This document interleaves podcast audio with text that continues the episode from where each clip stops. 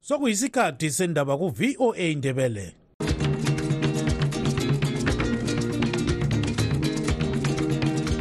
amatshono zihlobo siyalamukela kuhlelo lwethu lwezindaba eziphathelane lezimbabwe. Kustudio 7 eya voice of america sisakaza sisewashington dc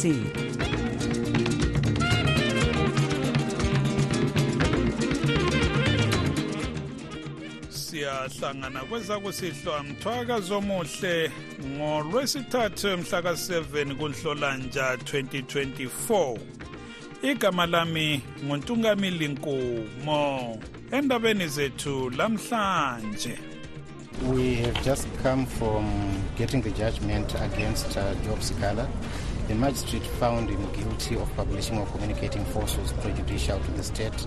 The reasoning is that uh, simply because his name appears on the Facebook account, it should lead everyone to believe that it's his account and he's the one who that post. owake wamela izengeza west edale lephalamende ekubandla eliphikisayo ele-triple c umnumzana job sikhala utholakale elecala lokuloba amanga enkundleni yefacebook inkantolo kamantshi namuhla. Yona esebenzise umthetho ongasekho emabhukwini emithetho yelizwe. Ukudula kwemafutha ezimota kuyafuqa yonke into iye phezulu ngokuba zonke izinto phela zihamba ngamafutha ezimota ngandlela thizeni. Ngakho-ke laba osomabhizinisi bazadlulisela phambili ukudula lokhu kubathengi. Amafutha ezimota asekhwelile okuyinto ingcwethi ezithi kuzabangela ukukhwela kwezinto ezitolo. Inhlanganiso elwela amalungelo oluntu e-amnesty international yamukele ngenjabulo isinqumo esethulwe nguhulumende wezimbabwe esokuba kwethulwe umthetho ozavimba isigwebo sokulengisa ese-death penalty. Zonke lezi ndaba lezinye ziyalandela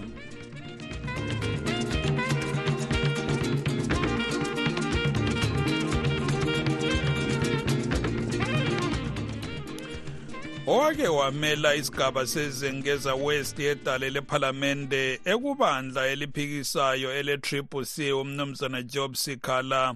Utholakale elecala lokuloba amanga enkundleni yefacebook ngumthethwandaba kamantshi eharare namuhla. Wona usebenzise umthetho osowesulwa kudala yinkantolo ye-high court. Lokhu kwenzakala kungensuku zatshwala usikhala ephume ejele lapho akade evalelwe okweminyaka phose emibili. Ngemva kokukhululwa kwelinye icala kubikwa kubika umlondolozi ndlovu. Umantshi uferes chakanyuka uthole usikhala elecala kudaba lapho abikwa wasebenzisa inkundla efacebook ukuloba ukuba kulomntwana owayebulewe lipholisa ebhajilwe ngunina emhlane. Igqwetha elimela usikhala umnumzana jeremiah bhamu uchasise ngokwenzakale emthethwandaba namhla So we have just come from getting the judgment against uh, Job Sikala. The magistrate found him guilty of publishing or communicating falsehoods prejudicial to the state. The reasoning is that uh, simply because his name appears on the Facebook account and his face appears on it, it should lead everyone to believe that it's his account and he's the one who made that post. sesiphiwe isinqumo utholakale elecala lokukhuluma amanga lokhu kuthiwa ngoba ibizo lakhe lobuso bakhe butholakala kufacebook nguye owenza icala leli ubhamu wazise ukuba usikhala uzakuya ngekhaya lanxa abathutshisi bakahulumende bebefuna ukuba ahle avalelwe namhlanje Uh, the prosecutor made an inquiry whether he should remain in custody or be taken into custody. They did not make any application for accused to be remanded in custody following his conviction. So the court made a determination that he be, his, his bail continues since he has already been on bail on the matter. And there was no breach of his bail conditions. abathutshisi bakahulumende bebefuna ukuba abuyele phakathi ejele kodwa idale lithe njengoba ubevele elebhel kungcono abuyele ngekhaya usikhala uzaphenduka emthethwandaba ngomvulo weviki ezayo lapho amagqoda akhe akhangelelwe ukuzama ukuthi engaphiwa isigwebo sokuhlala ejele njengoba ehlale khona okwesikhathi eside icala usikhala alitholakale elalo. Yilo elatholakala lilomkhokheli we-transform zimbabwe umnumzana jacob ngarivume yena owaphiwa isigwebo seminyaka emine kodwa waphika inyanga eziyisithupha andubana idale le-high court limkhulule. Akwaziwa ukuba usikhala owahlala iminyaka efika phose emibili esejele esethiswa icala lokutshotshozela udlakela wakhululwa ngeviki edluleyo uzahlawula isibambiso na kumbe uzahle abuyele ejele? Ngimele istudio 7 ngiseharare ngimlondolozi ndlovu.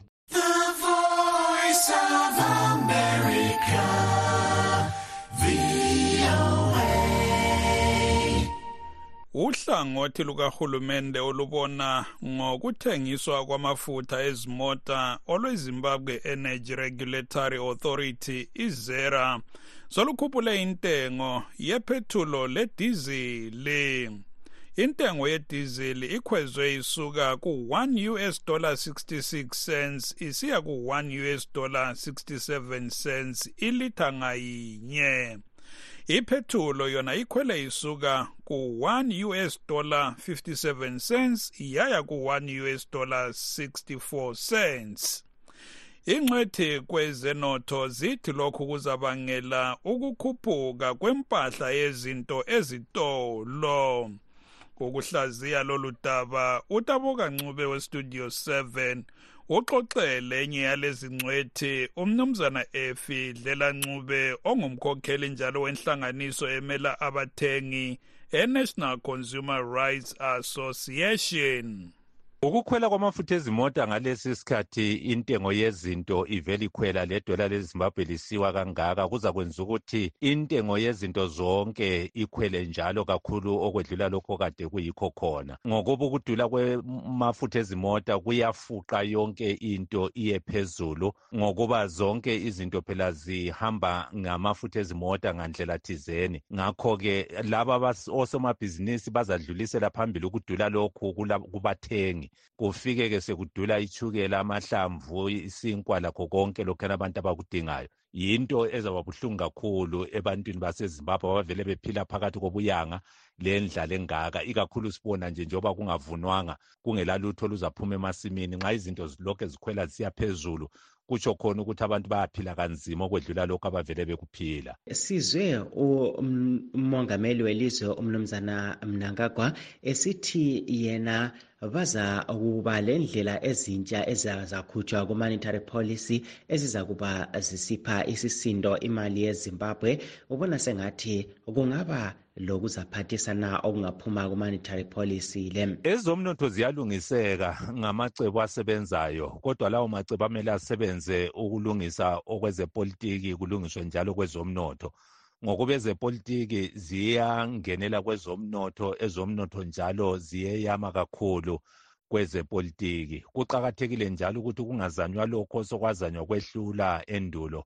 Kodwa kubuye amacebo amahle amatsha asebenzayo azasebenzela abantu. Kumele kukhangelisiswe konke okwenza ukuthi abantu bezimbabwe bangayithembi imali yezimbabwe okwenza kusilela imali yangaphandle okwenza kukhule umkambo omnyama okwenza kube nzima ukuthola imali yangaphandle emabhanga okwenza nje vele izinto eziningi eziphathelene lemali zingabi lula ukuthi zisebenze ngendlela efaneleyo. Kudingeka indlela ebanzi yokukhangela ezomnotho kulale yenziwayo kwamanje. Umnumzana efidlela ncube yingcwethi ecubungula ezenotho. Ungumkhokheli njalo wenhlanganiso elwela amalungelo abathengi e-national consumer rights association. Ubexoxa lotabo kancube westudio 7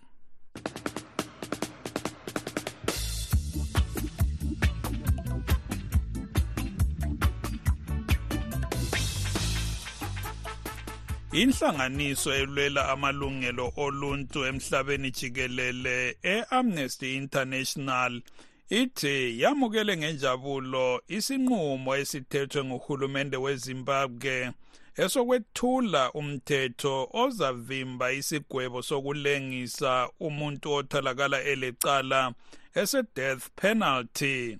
Kubika umlondolozi ndlovu lokhu kuza ngemva kokuba idale labaphathintaba bakahulumende ikhabhinethi yazise uzulu ngemva komhlangano walo izolo ukuba elezimbabwe seliza kuba lomthetho ozakwenza ukuba kungabi lomuntu ogwetshelwa ukufa i-death penalty.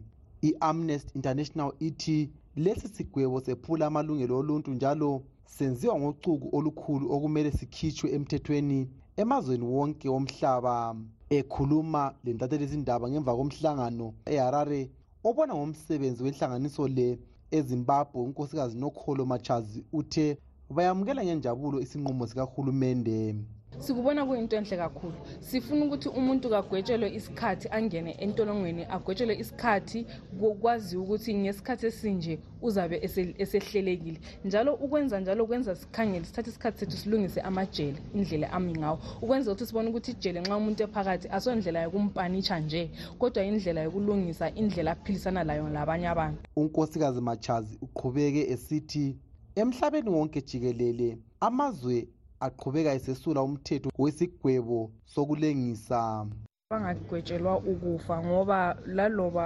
usuwephula umthetho ulamalungelo. So umuntu lo ulelungelo lokuphila into yokuqala.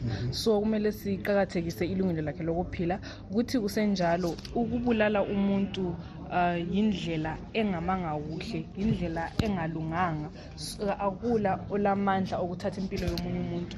Njalo sithi lo hulumende uh, lama laba abafaka umthetho abalali ilungelo lokuthi bafake amandla komunye umuntu ukuthi athathe impilo yomunye umuntu laloba usugwetshiwe wenze icala. Umphathi ntambo kahulumende obona ngokwethula kwembiko umnumzana jenifani muswere uthi uhulumende ukubone kufanele ukuba esule lesi sigwebo. Approved the abolition of the death penalty and agreed that the circumstances attracting death penalty options idale labaphathintambo bakahulumende livumelane ukuba abantu ababulala abantu bengagwetshelwa ukufa kodwa behlale ejele iminyaka eminingi umthetho lo uzasiwa edale lephalamende kunyanga ezilandelayo okusho ukuba ungavunyelwana idale leli elezimbabwe.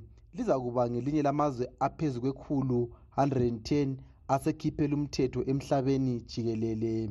Elezimbabwe okwamanje lilabantu abangamachumi ayisithupha lantathu 63 asebagwetshelwa ukulengiswa kodwa elezimbabwe lagcina ukulengisa izibotshwa ezilalesi sigwebo.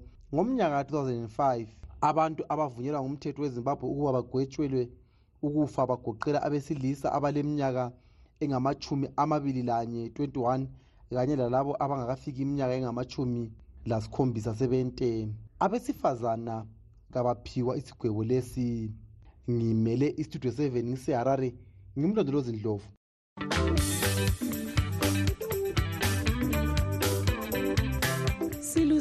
silusizi ukulazisa ukubana sesiza kuma uhlelo lwethu lwendaba zekuseni kusukisela ngenyanga ezayo ekanhlolanja olokugcina uhlelo lusakazwa mhla ka-9 hlolanja kodwa lingalahli themba ngoba konke elikade likulalela ekuseni likukhwabitha kuzabe lokhu kumunyethwe kuhlelo lwezindaba zantambama ngo-half past 7 nsuku zonke.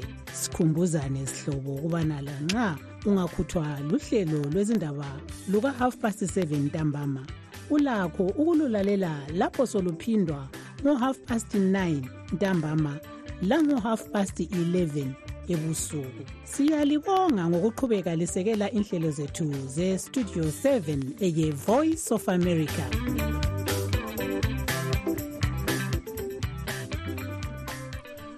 Uzulu wezimbabwe usemelele ngamehlo abomvu inguquko kwezenotho ekhulunywe ngumongameli emasoni mnangagwa. Yona athi ikhangelelwe ukuletha ukuzinza kudola lakuleli kanye lokumisa ukukhwela mahlayana kwentengo yezinto. Umnangagwa uthe umphathintambo obona ngezemali umnumzana mthuli ncube kanye losibalukhulu webhanga elikhulu ele-reserve bank of zimbabwe. Umnumzana john manguchka baza kwethula amanyathelo okuqinisa idola lezimbabwe kusikhatshana esilandelayo kodwa nguquko bani uzulu angayikhangelela? Sixoxelo hlaziya ezenotho umnumzana regi shoko. Informal market by its nature is never influenced by uh, formal mechanism, like how government will pronounce something and then formal market reacts to it or respond or go along that way. The informal market has gone survived on its own rules. And the only way out of this is to have a proper exchange rate which is accepted by both the formal market and the informal market. Itshona ngisithi lapho ngifika khona amathuba okukhuluma njengabantu bezimbabwe sekufuze sikhohlwe um indaba yokuthi izimbabwe dollar iyi-one to two hundred thousand nge-american dollar kuyikho asohlazi ungakhayela kuye-economy ama-economy malaysia ojapan they all have a weaker currency um kuqakathekile but asilokhu siloku igolode ukuthi hhayi idola lezibabonakala bayi-one to one ne-british pound asamukelele ukuthi siya kwezinto laba rate esilawo kade sa-artificial asithole rate yiyo sebenze ngayo. Ekhuluma ngesingisi umongameli Mnangagwa izolo uthe yena we shall soon be announcing the introduction of our structured currency.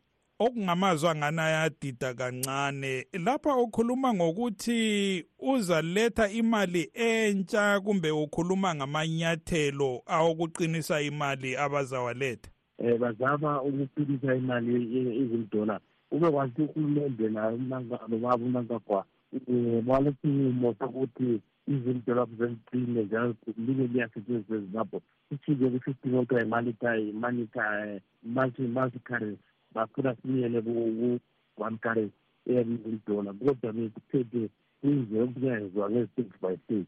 Ubaba umankuji kalo baba umthuli ncube njengoba sikhangelele nje ukuthi bethule amanyathelo lawa kuyini ongabaxwayisa ngakho? Eh ikakhulu baba umankuji engamxwayisa kakhulu yikubana akavule ukuthi i-monetary policy ayilamandla amaningi kakhulu kwi-formal market. abazii-black bucket entweni eziningi and lokhu bayithatha abantu kunja kumbe bathela ipetroli kumbe idizil we-paral market ngokuzama ukukhontrola i-exchange rate ngamamekhanizimi emonetary policy nani nani nani abakwamukele badinge ukuthi yiphi red idethe banye market ngabangavuma khonapho siyaqazi ukusebenza ubaba umthini ekutshoni ukuthi uhulumende kaza le-discipline um ngingayibhajethi imali kasebenze ngayo le-budget engayeqisi kubhajethi yakhe rale ngalo uhulumende aqalise ukuthengisa indlela uhulumende wethu kufuze alide. Kuba funa sisebenzise izil dollar laye kufuze alide i-utilization of the zil dollar ngoba sikuba zilakathesi uhulumende ukuthi ufuna ukuya ku-sisebenzisa izil dollar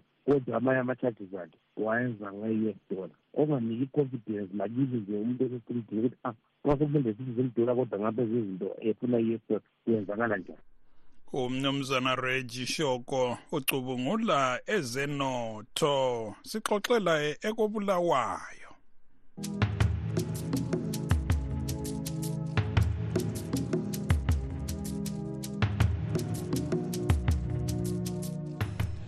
Uhulumende uthi uselungise ingxenye yomgwaqo wenkayi efika amakhilomitha amabili. Kodwa abahlali balindawo bathi kunengi okusamele kwenziwe ngoba ukulungiswa kwalomgwaqo kwaqala ngo-1993 kodwa kulokhe kungakaphutshi.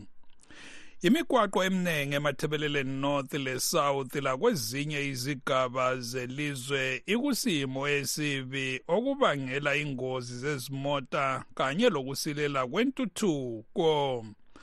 Ukuze sizwe okunengi ngalolu daba usithambekile mhlanga westudio 7 uxoxelo mnumzana abedniko bhebhe owayemela inkayi south edale lephalamende njalo owayesaziwa ngokukhankasela ukuthi lumgwaqo ulungiswe. I-two kilometers akhuluma ngayo ayilunganga ngoba ilokhu isalungiswa leyo two kilometers lowo ngumnyaka wesithathu um phose if not wesi-four belokhu belungisa leyo two kilometers um kuthi kungafika izulu ke kumiwe kuthi kungayekela ukubhadalana ke kumiwe. Khathesi sikhuluma nje sebebuyele kodwa kakukalungiswa lutho yinto elokhu kuthiwa iyalungiswa. Akukuhle ukuthi uhulumende um aqambe amanga. Kufanele ukuthi nxa uminista engakakhulumi izinto ezikuground. Ukwenzela ukuthi nxa ekhuluma akhulume izinto ezika-accurate. Khathesi kuyayangisa lokho ukuthi nxa engakhuluma thena kule two kilometers asebezilungisile bona belokhu bengakazicedi lalezi two kilometers sezicedi inyaka sokuthethe isikhathi esinganani ukuthi umgwaqo lo ulungiswe njalo sokusele amakhilomitha amangaki ukuthi uhlelo lolu luphutshe um umgwaqo lo uqalise ngo-1993 phakathi kwegovernment yekiwet eyayincedisana legovernment yezimbabwe kuthe-ke sekukuthi igovernment yezimbabwe isisenza umbuso ohlukuluza abantu um ngesikhathi sikamugabe kwasekusiba-ke lokulokhana okuthiwa ikiwet phuma esivumelwaneni leso ngoba um ukwenza kwezimbabwe kwasokunqamula um izivumelwane ezazivumelene. So from ninety three wasusima-ke kwakungenziwa lutho wawusanda kusuka e-airport. Ngiyakhumbula kumbe abalaleli bazakhumbula ngingena ngo-two thousand epharlament um ngayenza ukuthi ngivuselele um ukuthi sikhulume ngomgwaqo wenkayi. Kusukela khonapho-ke bebesenza kumbe one kilometer kumbe two kilometers. Kwesi sikhathi eminye iminyaka bengenzi lutho ibhajethi ibe khona kuthiwa imali ikhona kodwa-ke nxa sokusenziwa ama-allocations ingase ya-allocatwa sisukeya kwezinye indawo so ngumgwaqo sibile singathi from ninety three kuze kuzefika kathesi um mbona ngani sokudlule over thirty years ezipheleleyo um silokhu sithi thina um umgwaqo wenkayi uyalungiswa. Njalo kathesi esingathi asebewulungisile sebelungise um mhlawumbe uh, about 45 to 50 kilometers ngoba kawukafiki enyathi sikhuluma kunjenje. Bazama ukuthi bayofikisa khona enyathi nxa ngithi ngiyakhangela kungabe kusele amakhilomitha maybe angafika ku-110 120 eminye-ke imigwaqo emathebeleland dadewethu ukuthi sikhulume ngemgwaqo emathebeleni sokusiyangisa sikhuluma kunjenje singakhuluma ngomgwaqo osuka kobulawayo usiya e-victoria falls. Um uyayangisa ngoba i-victoria falls yindawo eyaziwa umhlaba wonke kodwa ungahamba emgwaqweni wangikhona uyabona engani uhamba kwelinye igusu um elizweni elilesivuwo ngoba usulamabhodigodi kakusahambeki ngikhuluma kunje kunje. Um angikhulumi-ke ngawo umgwaqo wenkayi kawuvele kawuhambeki. Uhambe nje yonke indawo usiya kubolupane ungena usiyale usiya kubocholotsho akula mgwaqo echolotsho um uhambe usiya webhinga sowafa sungamaphodolo imbobombobo angikhulumi-ke nxa usudlula ebhinga um usiya phambili. Yinto ezingahambekiyo. So ngathi nje general imathebeleland yonke um particularly imathebeleland north um umgwaqo mibi kakhulu engingathi-ke um imathebeleland north inganikwa iprovinsiyana esinikethwe nguhulumende. Kubangela ingozi kubangele ukufa kwezimota kubangele ukuthi kungabi le-development ngoba i-development ihamba ehambela ehambekayo. Ihamba lama-railway line ahambekayo. Ihamba lama-free machine asebenzayo. Um yiyo okuthiwa i-development so kakukho okukhona okungaletha i-development ezimbabwe anduba kuqale kulungiswe imgwaqo lo ngumnumzana Abednego Bhebhe owayemela inkayi edalele ephalamende obexoxa losithandekile mhlanga westudio 7 sixoxe njalo lo mnumzana Richard Moyo umphathi intambo kahulumende obona ngokwenzakala emathebelele North. Yena ochasise imizamo enziwa nguhulumende ukulungisisa imigwaqo esigabeni sakhe.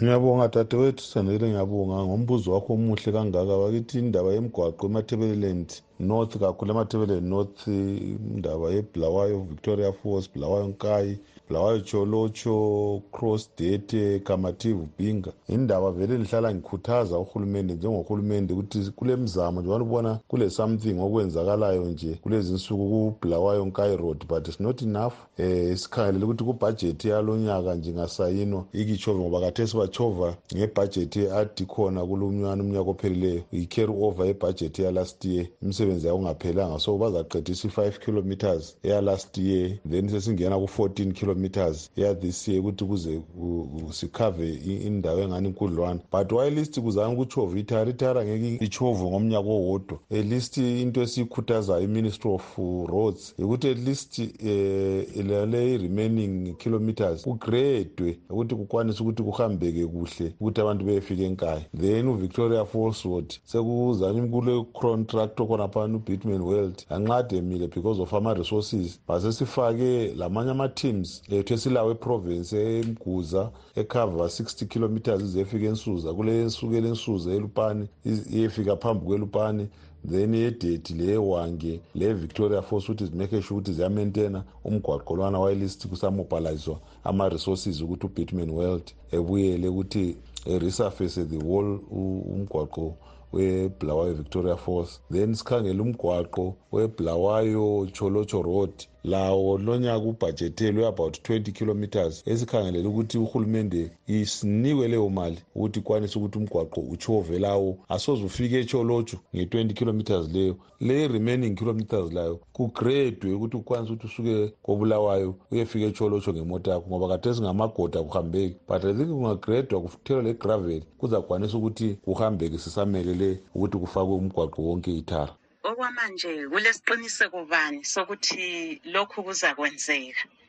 Ukuthi uhulumende uzafeza konke lokhu okutshoyo. Njengoba sibona ukuthi sokwathatha isikhathi eside ikakhulu umgwaqo wenkayi kulokhu kuhamba mbijana mbijana ikhilomitha eyodwa amathathu. Angilesiqiniseko siswami because uh, i-second republic uh, ayifanani le-first republic and khonokho izikhalazo zethu and bazilalela eh okunye nje kabe kusehlula nje ukuthi ubone izinto esenzakala kabe ngama-resources eh ukushota kwezimali ukuthi umsebenzi wephambili but ngiyathembisa dadewethu ukuthi nxa ukuthi konke lokhu ama-resources izimali zitholakele khononke ngikukhuluma uza kubona kusenzakala sisho umnumzana richard moyo ngumphathi ntambo kahulumende obona ngokwenzakala emathebelele north. Ubexoxa lo sithandekile mhlanga westudio 7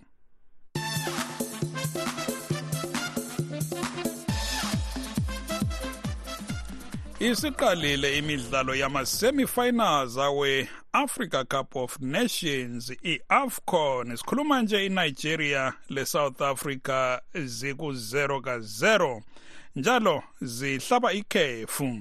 I-ivory coast yona izanqikilana le-drc kusikhatshana esilandelayo utabo kancube westudio 7 uxoxe lowake wadlalela iqembu lesizwe elama-warriors uronald gidiza sibanda. Ungabona amathimu esihloko semifinal ukuthi ukuthi hhayi adlalile. Kumbe abaqale khona so kunzima kuzadlala kunzima wonke amathimu akhona abanalayo ichance yokuthi e-final kodwa thina njengabantu in-afrika sikhangela ukuthi ethi bafana bafana inzima kodwa hhayi sibone abaningi ezimbabwe labo bekhangelele ukuthi i-south africa ingabe eh, idlala kuhle laphana le-nigeria. Eh, abanye bebesithi i-advantage le-south africa ngeyokuthi ilabadlali abaningi abangadlali bekwamanye amazwe kodwa abadlalela e-south africa. Eh lokhu libona ngani? Kungayipha amathuba angcono kulamanye amazwe ukuthi layo ingene ku-final kumbe ithathe inkezo? Isikhathi esiningi uyabona abantu laba abadlala out of the country anti abantu asebehola imali ezinkulu sebelama-big salaries loba njengamanye asobhiba sebehola imali ezinkulu ngesikhathi esizimali eziningi. Abalahanga liyana eyomuntu odlala local understand layo osefuna ukuthi ibizo lakhe libonakale ofuna ukuzimakhetha.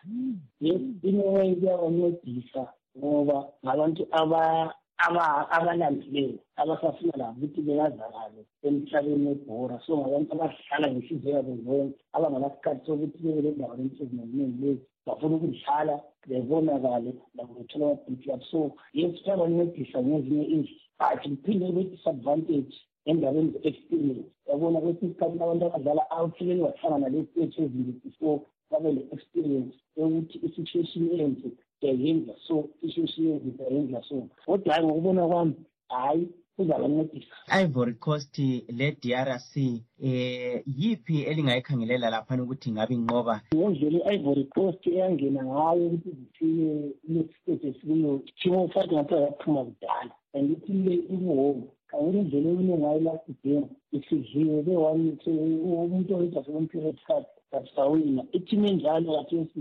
isiyingozi ngoba indlela abadlile ngayo ngani ngabantu abalenhlanhla okudlula kube dlile bedlile bedlile hhayi ivory coast ngengani iza igame izangena final ngokubona kwami ngoba hayi indlela abadlule ngayo badlule okungakhanyiyo ukuthi namba sebekusin final and hayi ngibona ngani kwi-final uronald gediza spanda wake wadlalela iqembu lesizwe elama-warriors silikhumbule liyalandela uhlelo lwe-live talk lapho esixoxe khona ngemidlalo ye-afcon ama-semi-finals kwanele olivalelisayo ngontungamili nkomo